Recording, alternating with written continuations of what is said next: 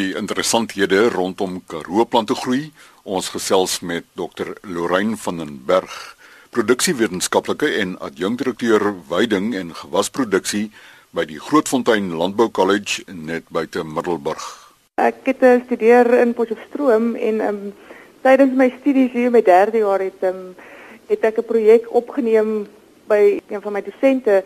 Die projek se naam is die Desert Margins Pro Project. Al die al die werk is gedoen in ariede dele en semi-ariede dele van Suid-Afrika.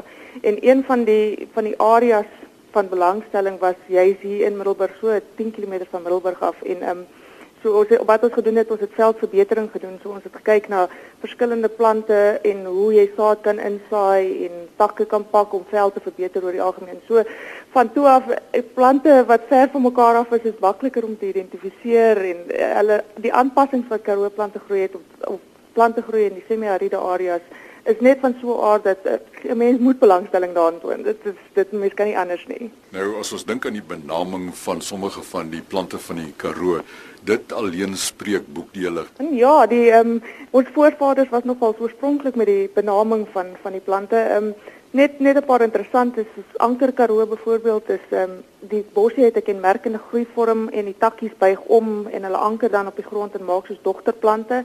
Jy kry kapokbos ehm um, wat as jy na die plant kyk, het hy te gepakte pleise wat na kapok lyk. Ehm um, currybos byvoorbeeld omdat die bosie as jy hom kneus na curry ryk. Dan kry jy ag wat wat na uh, plante wat na kleure genoem is soos blou blommetjie omdat die blom van hierdie van hierdie bosie so helder blou is.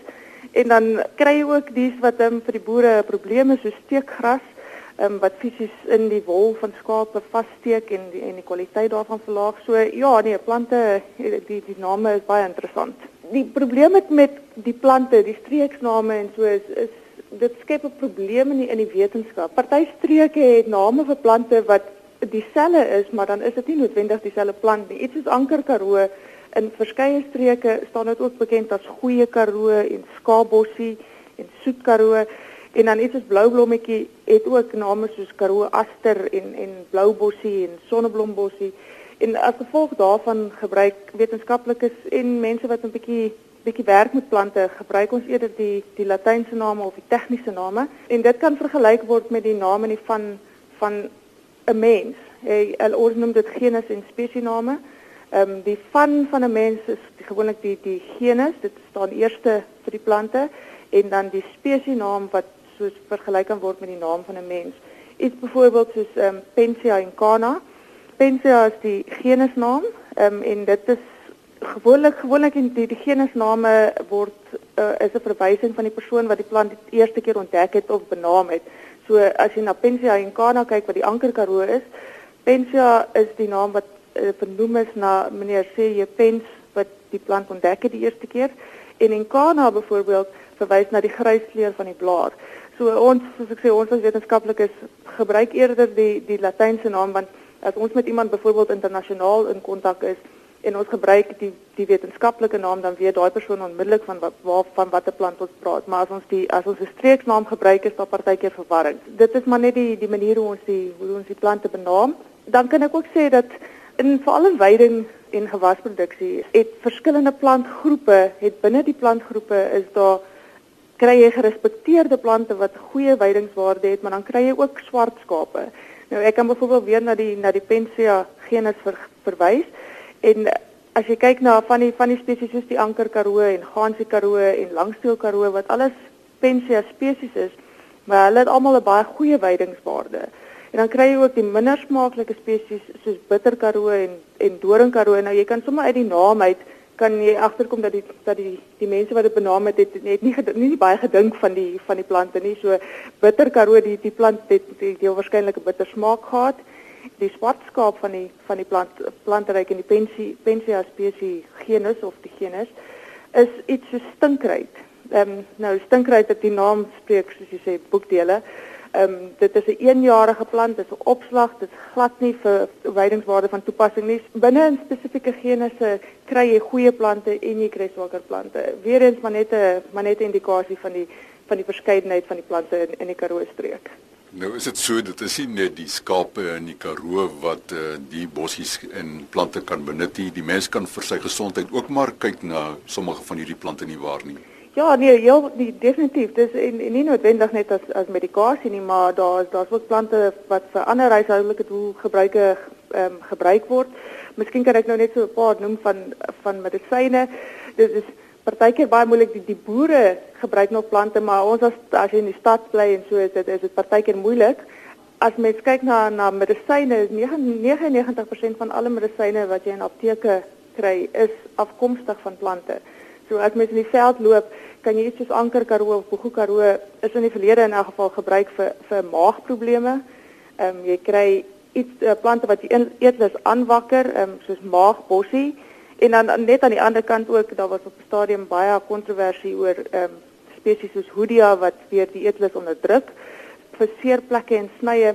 Baie ehm um, die name spreek van self uh, pleisterbossies en geneesbossies is gebruik vir vir die tipe van ding. Ehm um, maar dan ook vir soos ek sê vir huishoudelike gebruik, ehm um, daar's van aspos en beesganna gebruik gemaak vir die loog of vir loog vir seep maak. Ehm um, en dan iets soos kogelmandervoet karoo is ook gebruik vir vir bier maak. So ehm um, en safraanbossie is hulle het hulle gebruik om leer te kleur ehm um, of as 'n inkom om mee te skryf. Ehm um, ek sou vermoed dat die Bosman tekeninge en so die die safraanbossie daai breinleer aan dit aan dit gegee. Karoo plante groei is aangepas vir die Karoo se klimaat en daarom is dit sekerlik uniek. Verseker, ehm um, dis 'n baie droë of semi-aride area so ons reënval is maar is maar redelik onvoorspelbaar en ehm um, as gevolg daarvan het die verskillende groepe plante in die Karoo spesiale aanpassings um, om hierdie droog om om die droogte te weerstaan in die eerste in die eerste plek en dan ook om om aanpassings hulle party van hulle blom op sekere tye net nadat die reën val. Jy kry plante byvoorbeeld soos opslag in eenjarige plante. Ehm um, hulle voltooi hulle groei siklus in 'n baie kort tydjie. Ehm um, en die daar's altyd daar sal altyd opslag in die veld wees oordat hulle aangepas is om by verskillend by by kort reën uh, ek kan nie sê kort reënval nie maar klein reënval ehm um, sal hulle sal hulle groei of hulle sal ontkiem en groei en onmiddellik saad maak. Ehm um, die een ding waarna spesifiek kan verwys is die is die pragtige blomme van Namakwaland. Ehm um, dit is alles opslagplante. Ehm um, hulle soos jy weet party jare is maar blomjare en party jare is nie. Dit gaan maar oor wanneer die reën val en hoe die reën val. As daar goeie lente reën is, dan is daar goeie blomme. Ehm um, so uh, opslagplante is een van een van die groepe wat spesifiek aangepas is by by min reënval, maar wanneer daar 'n klein bietjie reënval, dan sal hulle sal hulle groei. Dan 'n ander groot deel van die Karoo, ehm um, party mense as hulle aan die Karoo dink, dan dink hulle aan areas soos Beaufort West en Lensburg wat net net bossies het, maar ons wat 'n bietjie meer oos is in die oostelike Karoo, ons het 'n groot komponent somergrasse en die somergrasse groei vanaf Oktober tot April en hulle eh, bereik hulle hoogste groei tempo gedurende Februarie en Maart. So wanneer wanneer dit winter is, dan gaan die, die somergrasse in 'n rustende fase in, maar sodra dit len die lente reëns val en die somer somerreëns, dan um, gebruik hulle hulle reserves om hulle om hulle groei siklusse te hervat. Dan die Karoo bossies is uniek in die sin dat hulle het twee definitiewe groeiperiodes. Hulle groei in die lente en dan ook in die herfs. Ehm um, die herfsperiode is is die belangrikste is die belangrikste groeiperiode en dan in die in die midsomer soos Januarie, Februarie en Desember groei die Karoo bossies relatief stadig, maar hulle groei nog steeds. Ehm um, maar die as dit as ons 'n bietjie 'n koeler somer het, dan ver, verander die die blomtyd, so die blomtyd van van bossies varieer ten opsigte van klimaat en ook die die hoeveelheid reën wat val. Ehm um, in die winter daal die groei tempo van die Karoo bossies ook, maar dit daal nie so laag soos die van somergrasse nie. En dit is dis die rede hoekom die Karoo die die die boere maar meestal met skape boer is oor dat die Karoo bossie gedurende die hele jaar vir die skape kan kan uh, kos gee. En dan die die laaste komponent ehm um, weer eens miskien nie in die Groot Karoo nie, maar hier by ons is 'n uh, bome en struike. Nou boomstruike het 'n geleidelike toename in hulle groei tempo van Augustus tot Februarie en Maart, maar sodra dit winter raak, dan daal die daal die groei siklus of die groei tempo weer. So weer eens die die die die plante groei is is so aangepas dat daar regdeur die jaar plante is wat groei en wat kos aan weidende diere kan kan um, verskaf. Een van die mees kenmerkende eienskappe is sekerlik die aanpassing by droogtes. Verseker, ehm um, soos ek sê die die uh, reënval hier in die Karoo is maar wisselvallig en ons is nie altyd seker dat dit gaan reën nie.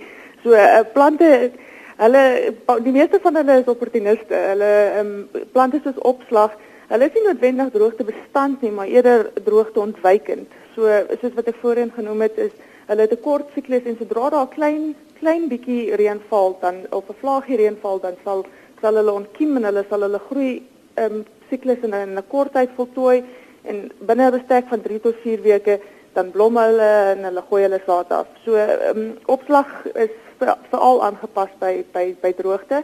Karoo bossies en struike het het ook ehm um, hulle hulle uh, is bestand teen die droogte in die in die sin dat hulle hulle transpirasie amper so sweet by die mense die die die tempo waarteen hulle water verloor hulle kan dit beperk nou die die manier hoe, hoe Karoo bossies transpirasie tempo beperk is deur die feit dat hulle blaartjies oor die oor, oor die algemeen is maar klein styf en leeragtig ehm um, sommige bossies se se blare bevat baie gom en harse wat die huidmondjies se opening kan kan beïnvloed en dan weer jy kry baie van die bossies wat hare op hulle blaartjies het ehm um, en sodoende dit keer alles om om sodat hulle nie water deur hulle blare verloor na die atmosfeer toe nie. Ehm uh, verder jy kry die die die die daar die Karoo bossies het ook 'n unieke ding dat die meeste van hulle is die boogrondse dele van die van die bossies soos die, die stingeltjies in die blare is baie klein in verhouding tot die tot die wortelstelsel van die plant. Nou die wortelstelsel is die deel wat die water opneem en dan verloor hulle baie minder water deur die feit dat hulle min of 'n klein boogrondse um, komponent het. En oor Karoo plante kan jy haar nie vasvra nie. Dr Lorraine van der Berg, adjunkdirekteur veiding en gewasproduksie op die Grootfontein Landbou College in die Groot Karoo. By 'n volgende geleentheid wil ons by haar weet hoe Karoo plante versprei. Vanaf Grootfontein, beste wense.